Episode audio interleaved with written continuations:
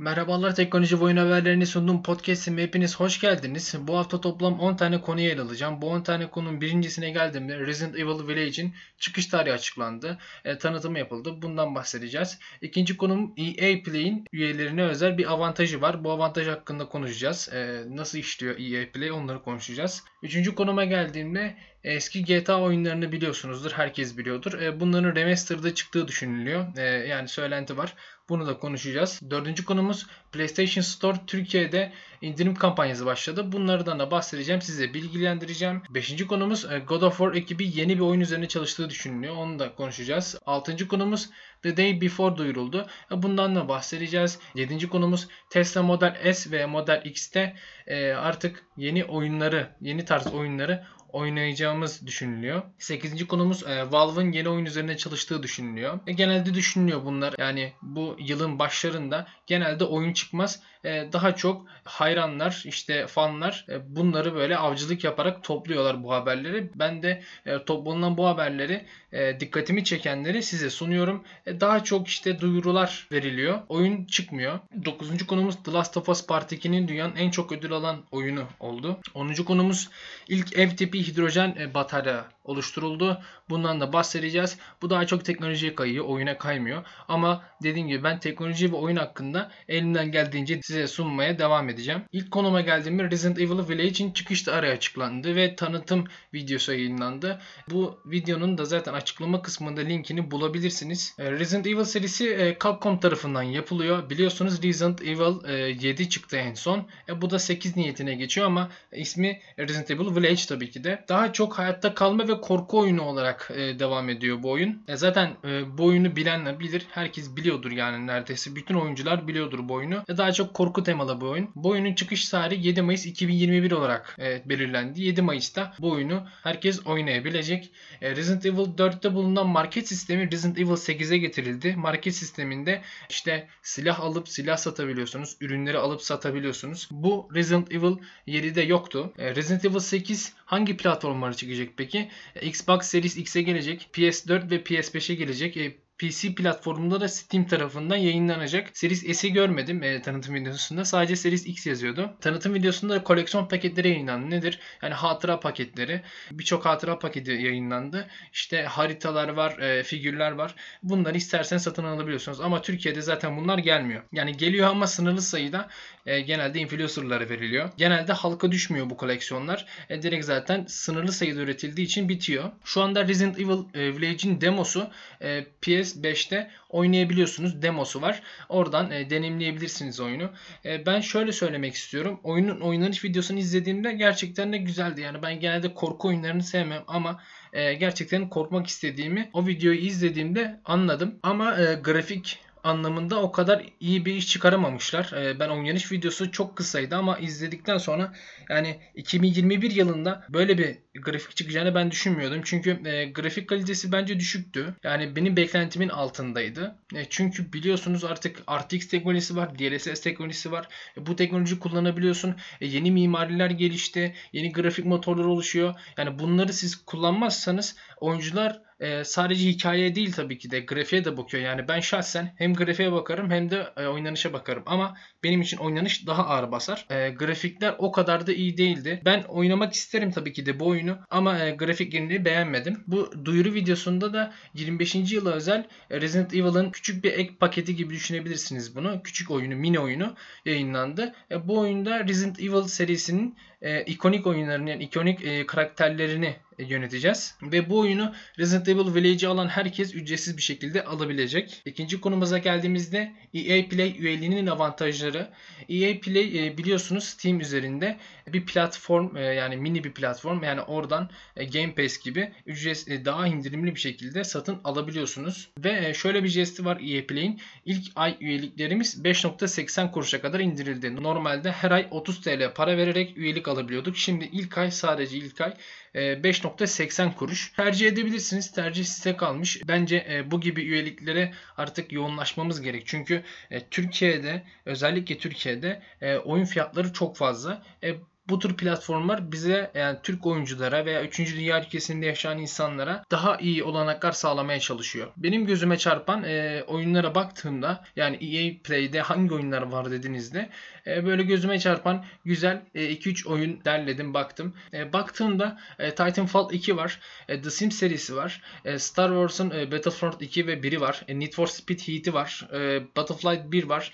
E, bu gibi oyunlar mevcut. İsterseniz üyelik alabilirsiniz. İlk ay 5.80 kuruş. Ondan sonra her ay 30 TL vererek üyeliğinizi devam ettirebilirsiniz. Peki bu indirim e, ne kadar ne zamana kadar sürecek? 9 Mart'a kadar e, bu indirim sürecek. 9 Mart'tan sonra her ay 30 TL vereceksiniz. İndirimli fiyat bitecek. Tabii ki de EA Play'in de linki açıklama kısmında bulabilirsiniz. Oradan üye olabilir. Daha fazla ayrıntıya, daha fazla hangi oyunları verdiğini görebilirsiniz. Gelelim tüm oyuncuların merakla beklediği oyunlar yani GTA serisi.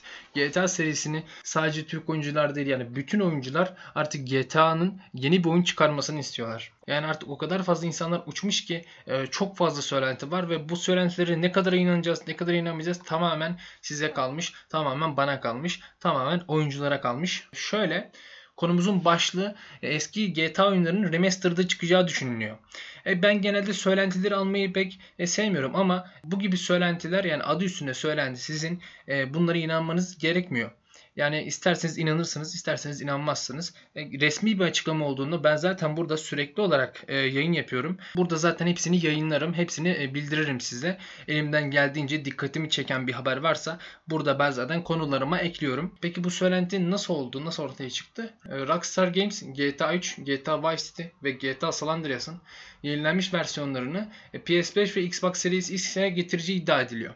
Peki bu iddia nasıl ortaya çıktı? GTA 5 forumlarında çıkıyor bu iddia. E, orada e, çok garip bir şekilde e, şifreleme bir konuşma, bir mesaj e, var. Fanlar arasında tabii ki de bu bir resmi bir şey değil.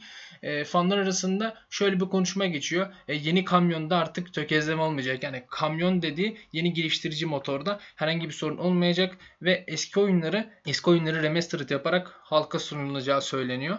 Tabii ki de bu fanların arasında geçen konuşma ve kart numaraları var ve bu kart numaralarına baktığımda e, bu tweet'in de linkini zaten açıklama kısmında bulabileceksiniz. Kart numarasında 2001, 2002, 2004, 2013 ve B46 diye e, bir kart numarası var. Biliyorsunuz GTA 3 2001 yılında, GTA Vice City 2002 yılında, GTA San Andreas 2004, GTA 5 ise 2013 yılında yayınlandı ve e, bunların remastered'ının GTA 6'dan önce e, çıkacağı söyleniyor. Bu remastered'ları ne zaman göreceğiz? Yani fanlara göre, yani GTA fanlarına göre 90 gün içinde bir trailer, bir yayınlama olacağı söyleniyor. 90 gün içinde neler olacak hep birlikte göreceğiz. E, resmi bir açıklama olduğu anda ben zaten e, konumu eklemiş olacağım ve size de aktaracağım. Gelelim dördüncü konumuza. PlayStation Store Türkiye'de indirimler başladı. Biliyorsunuz işte kış aylarında genelde indirimler olur. Steam'i biliyorsunuz zaten her gün, her saat, her ay indirim yapıyor. Yani her şekilde indirim yapıyorlar ama PlayStation oyuncuları her zaman daha pahalıya oyun alıyorlar. Çünkü konsol oyunları her zaman daha pahalı ve bu indirimler onlar için çok önemli. Bu yüzden konsol oyuncularına özel bir şekilde bu konuyu ben ele aldım. E, belli başlı oyunları hangi indirimler olduğunu yani gözüme çarpan sevdiğim oyunların indirimli fiyatlarını aldım. Bakacağız, konuşacağız sizlerle beraber. E, PlayStation Store Türkiye şu an e, remastered ve retro oyunların indirime koydu ve bu oyunların tamamı PlayStation 4'te geçiyor. Yani PlayStation 5'e özel. Bir indirim yok e, şu anlık bu indirimlere baktığımda. E, dikkatimi çeken 4-5 tane oyunu ben e, buraya sıraya aldım. Assassin's Creed 3'ün remastered versiyonu çıktı biliyorsunuz. Bu 200 TL yerine 80 TL'ye alabileceksiniz. God of War 3'ün yeni remastered'ı çıktı biliyorsunuz. 144 TL'den 72 TL'ye düşmüş. Metro Redux serisi 214 TL'den 43 e, TL'ye kadar düşmüş. Benim size tavsiyem Metro serisini tamamen alın ve oynayın. En baştan başlayın oynayın. Gerçekten de hiç pişman olmazsınız. Ve e, güncel sayılabilecek diyeyim.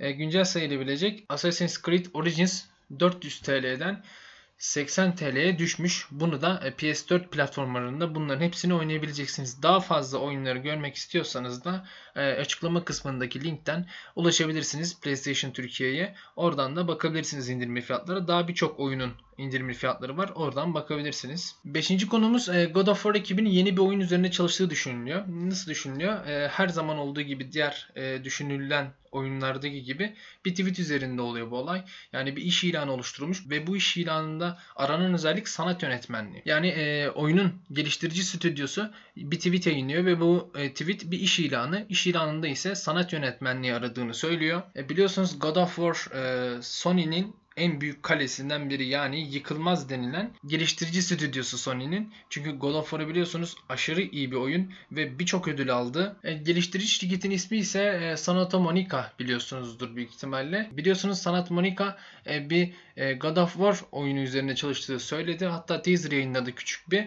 Bu oyunun ismi ise God of War Ragnarok üzerinde çalıştığını söyledi. Ama e, ekstra olarak bu tweette e, yeni bir proje üzerinde çalıştıklarını ve sanat yönetmeni aradıklarını söyledi. Yani yeni bir proje dedikleri için e, şu an duyurdukları oyunla alakalı değil büyük ihtimalle. Ve e, ekstra bir bilgi olarak şunu söylemek istiyorum size. The Last of Us Part 2'nin ses tasarımcısı şu an God of War 2 üzerine çalışmak için Santa Monica'ya katıldığı söylendi ve resmi bir şekilde de bu açıklandı zaten.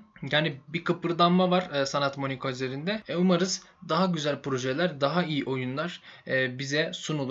Daha iyi teknolojilerle biz bu oyunları oynarız. E, dediğim gibi yine e, bu gerekliliklerin tamamını açıklama kısmında bulacaksınız. E, şu an e, benim sık sık söylememe gerek yok bence. E, yani bir yayında 2-3 defa söylesem bence yeterlidir diye düşünüyorum. Çünkü e, eğer kafanıza takılan yani bu link neredeydi dediğinizde direkt açıklama kısmına bakın. Açıklama kısmında büyük ihtimalle linkini bulursunuz. E, bulamazsanız da benimle iletişime geçebilirsiniz. E, biliyorsunuz her açıklama kısmında ve e, podcastimin açıklama kısmında ve bölümlerimin açıklama kısmında bana ulaşabileceğiniz sosyal medya platformlarını bırakıyorum. O platformlardan benimle iletişime geçebilirsiniz. Oradan gerekli linklerin tamamını size atabilirim. Ve e, sizin değerlendirmeleriniz benim için çok önemli. E, çünkü e, nasıl şekilde ilerlemem gerektiğini e, belli bir miktarda ben e, kontrol ediyorum ama e, belli bir miktarda da dinleyicilerimiz yani siz kontrol ediyorsunuz. E, bu yüzden benim için olumlu veya olumsuz değerlendirmeleriniz benim için çok önemli. Altıncı konumuza geçtiğimizde The Day Before duyuruldu ve e, The Day Before'a baktığımda MMORPG hayatta kalma oyunu üzerinde e, türünde olacak. Hayatta kalma hardcore olacak büyük ihtimalle. Çünkü ben e, oyunun oynanış videosunu izlediğimde gerçekten de çok güzeldi. E, grafiklerine bayıldım. Daha birçok şey konuşacağız ama daha ilerleyelim. Size bu oyunu tanıtayım. Ondan sonra kendi görüşlerimi de size sunacağım. E, oyunun ana konusu bir salgın oluyor ve bu salgında zombiler var. Ve e, sizin gibi oyuncularla da savaşıyorsunuz. Hep birlikte hem multiplayer hem de arkadaşınızla da olabiliyorsunuz ve diğer insanlarla da savaşabiliyorsunuz. Hem de zombilerle savaşabiliyorsunuz. E, bu oyun daha çok e, Division Division e, serisini bilenler bilir. Division serisine çok benzemiş. Daha birçok oyunu benzemiş. Yani böyle bir karma oyun gibi olmuş. Ben RDR2'ye de benzettim. Böyle e, kapıyı ittirirken böyle bir kapı animasyonu var ve bu kapı animasyonu RDR2'de de aynıydı. Oyun tabii ki de güncel teknolojileri barındıracak. Yani ne demek bu güncel teknoloji? RTX teknolojisi ve DLSS teknolojisini oyunda açıklanan, resmi bir şekilde açıklanan tabii ki de e, özellikler var. Bu özellikleri direkt e, size aktaracağım. En başta başladığımızda birincisi hayatta kalın terk edilmiş araçları, evleri, gökdelenleri, araçları, yeni eşyalar bulunuyor. Yani e, hem craft sistemi de var bu oyunda hem de eşyaları bulup bunları da satabiliyorsunuz tabii ki de. İkinciye geldiğimizde kimsenin girmeye cesaret edemediği bölgelere girin. Zombileri ve diğer oyuncuları gerçekçi silahlarla geçerek yeni dünyanın efsanelerinden biri olun diyor. E, üçüncüsü salgın sonrası dünyayı keşfedin. Şaşırtıcı derecede güzel gözüken ama bir o kadar da tehlikeli olan dünyayı keşfedin. Dördüncüsü e, bir kurtulan kolonisi bulun. Çok geç olmadan eski bir topluluğun yenilenmesi sürecine katılın. Hayatta kalan bu kolonilerle aldığınız silah ve eşyaları satabilir ve diğer oyuncularla güvenli bir şekilde iletişime geçebilirsiniz diyor. Yani burada da dediğim gibi craft sistemi ve satın alma sistemi de var. Yapımcılığını Fantastic Studio yapıyor ve oyunun çıkış tarihi henüz belli değil. Yedinci konumuza geldiğimizde Tesla arabalarda e, Witcher oynanacağı söyleniyor. Elon Musk e, bir tweet attı. Bu tweette dedi ki e, Cyberpunk 2077 bile oynayabileceksiniz dedi. Ama Tesla arabalarda şu anlık e, Cyberpunk 2077 oynayabilmeniz imkansız. Çünkü resmi olarak e, Tesla ekosistemine Cyberpunk 2077 yüksel, yüklenmedi. Sadece şu anlık belli başlı oyunlar yüklendi ve en önemli oyun olan Witcher'da yüklendi. Witcher biliyorsunuz CD Projekt Red tarafından yapıldı ve bir sürü platformda yer aldı. Tesla'da artık elektrikle şarj ederken artık Witcher oynayabileceksiniz. Ve bu panelden e, birçok şey yapabiliyorsunuz. Sadece oyun oynamıyorsunuz. 17 e, inçlik kontrol paneli var ve bu panelde e, film izleyebiliyorsunuz. internette gezebiliyorsunuz. Aklınıza gelebilecek bilgisayarda yapabileceğiniz, telefonda, tablette yapabileceğiniz her şeyi bu panelde yapabileceksiniz. Ve Witcher oynayabileceksiniz. Ben Benim için en önemli olay bu. Çünkü Witcher hala oynanılacak bir düzeyde ve çoğu insan da Witcher oynamak istiyor zaten. Elon Musk'ın oylama olarak Witcher 3'ü seçti işte Elon Musk e, bir oylama yaptı. Twitter üzerinden ve %80'lik bir oranla e, Witcher 3'ün e, Tesla arabalara gelmesini istendi. E, tabii ki de bunu e, yaptı Elon Musk ve altına da tweetin altına da Cyberpunk 2077'de oynanabilecek dendi. E, şu anlık resmi bir açıklama yok tabii ki de sadece e, Elon Musk'ın açıkladığı bir şey bu. Şaka olarak yaptığını ben düşünüyorum. Çünkü yakın bir zamanda Cyberpunk 2077 bence Tesla arabalarda oynayamayız. Bu arabaların işlemci güçleri de o kadar fazla değil. Yani şu an baktığımızda üst düzey konsollarda ve üst düzey bilgisayarlarda bile bazen optimizasyon hataları olabiliyor. E, Tesla'da şu anlık e, çok kötü bir durum olur. Şu an hemen çıkarsa e, zaten hemen çıkacağı gibi düşünülmüyor. Çünkü çok fazla optimizasyon sorunu var oyunda. Hala PC tarafında optimizasyon sorunları yaşanıyor. Yeni bir patch yüklendi ve bu patch ile düzelteceği düşünüldü. Ama hala bazı sorunlar yaşanıyor. Umarız e, hızlı bir şekilde kendini toparlar Cyberpunk 2077 ve Tesla'ları da çıkar. Tabii ki de gerekli linki Elon Musk'ın attığı tweet'i e, açıklama kısmında bu linki bulabileceksiniz. 8. konumuza geçtiğimizde 8. konumuz e, Valve'ın yeni oyun geliştirdiği açıklandı. Valve biliyorsunuzdur. E, Half-Life serisinden biliyorsunuzdur. Ve e, CSGO'dan biliyorsunuzdur. E, bu oyunlar gerçekten de oyun kategorilerinin temelini oluşturuyor. Gerçekten de çok başarılı bir şirket Valve. E, Valve bu arada da Steam'in de yapımcısı yani Steam şu an e, Valve'ın ve en son çıkardığı oyun ise Half-Life Alyx. Half-Life Alyx biliyorsunuz VR üzerinden çıktı ve e, VR üzerinden oyun çıkarmaya devam edecekleri söyleniyor. E, bu haberde de e, geçtiğimiz günlerde e, TVNZ adlı bir haber kanalında e, Valve'ın CEO'su şöyle bir açıklama yaptı. Kesinlikle geliştirmekte olan ve duyuracağımız yeni oyunlarımız var. Half-Life Alyx ile tekli oyunculuğa dönmek harikaydı. Şirket içerisinde güzel bir ivme yakaladık. Yani e, Valve zaten kendini kanıtlamış bir şirket. E, Rockstar Games mi Valve mı dediğinde ben ikisini de seçmek zorunda kalıyorum. Çünkü ikisi de çok başarılı şirketler ve ben bu şirketlerin neredeyse kusursuz olduğunu varsayıyorum. Çünkü bu şirketler oyun dünyası var olduğundan beri var diyebilirim. Tabii ki de bu iddialı bir söyleyiş olabilir ama e, şu an bu iki şirketin hakimiyeti sayesinde oyun dünyası bu kadar geliştiğini düşünüyorum ben. 9. konumuza geçtiğimizde 9. konumuz en çok ödül alan oyunu olan e, The Last of Us Part 2 oldu. The Last of Us Part 2 e, şu ana kadar 261 adet e, yılın en iyi oyunu ödül aldı. E, şöyle bir etkinlik var. Hangi platformlardan, hangi şirketlerden yılın en iyi oyunu ödül alıyorsanız bu sayılar toplanıyor ve e, total olarak yılın en iyi oyunu ödülü seçiliyor. Normalde Witcher 3 260 farklı yerden yılın en iyi oyunu ödülünü almıştı. 261 adet ile The Last of Us bunun önüne geçti. E, Part 2 zaten biliyorsunuzdur. Yani bilmeyen yoktur. Gerçekten de muazzam bir e, grafik vardı, muazzam bir oynanış vardı, hikaye çok iyiydi, müzikler çok iyiydi ve gerçekten de kendini kanıtlamış bir şirket yaptı zaten bunu. E, Sony'yi de biliyoruz zaten. Sony eğer kendine özel bir oyun yapıyorsa gerçekten de çok uğraşıyor ve büyük bütçeli oyunlar yapıyor. 10. konumuza geçtiğimizde ilk ev tipi hidrojen bataryaları geliştirildi. E, bu konuyu neden aldım? Tabii ki de ben teknoloji üzerinde yani genel olarak teknoloji üzerinde haberler yaptığım için sadece oyun değil e, benim dikkatimi çeken teknoloji haberlerini de e, bu podcast bölümlerinde yayınlıyorum. E, bu haberde benim çok dikkatimi çekti. Zaten ben bataryalar konusunda da gerçekten de batarya teknolojisini beğeniyorum. Batarya teknolojisini en fazla geliştiren şirket şu ana kadar Tesla'ydı. Şimdi Avustralya merkezi bir enerji şirketi olan Lavo'nun hidrojen bataryası ürettiği söyleniyor. Ki kendisi de kanıtladı bunu. Geliştirdiği bu batarya nasıl çalışıyor peki? E, elektroliz yöntemiyle. Biliyorsunuz su iki hidrojen ve bir oksijenden oluşuyor. E, hidrojen iyonu ve hidroksit iyonu var. Ve bu iyonlar elektroliz edilerek kısmi olarak artı ve eksi kutuplara çekiliyorlar. Ve ondan sonra bunları galvanik hücrelere yani hani bataryadaki e, çözeltilere konuluyor diyeyim. Bu çözeltilere konulduktan sonra e, artı eksi kutuplar e, kendini serbest bırakıyorlar ve ondan sonra enerji akışı oluyor. Bu enerji akışında da biz elektrik e, oluşturabiliyoruz. Tamamen sudan yapılan bir batarya. E, şu ana kadar e, Tesla Powerwall adlı bir bataryası vardı ve bu batarya evde kullanılabiliyordu. Elektrik ihtiyaçlarınızı yani Tesla'nın Powerwall'ından karşılayabiliyordunuz. Şimdi yeni bir rakip çıktı. Avustralya merkezli bir şirket ve diyor ki sudan size elektrik üreteceğim diyor. Gerçekten de hem bizim hem de dünya açısından çok önemli. E, çünkü e, daha fazla enerji elde etmemiz gerek ve bu enerjiyi biz genelde organik atıklardan, organik bileşenlerden alıyoruz. Bu organik bileşenler de her zaman karbondioksit çıkartıyorlar ve bu karbondioksit e, tekrardan doğaya geldiğinde e, büyük zararlara yol açıyor. Bu batarya teknolojileri daha az e, çevreye zarar veriyor ve kontrollü bir şekilde kullanırsak e, hiçbir şekilde çevreye zarar vermiyoruz. Şimdilik benden bu kadar. Beni dinlediğiniz için teşekkür ederim. İyi günler dilerim.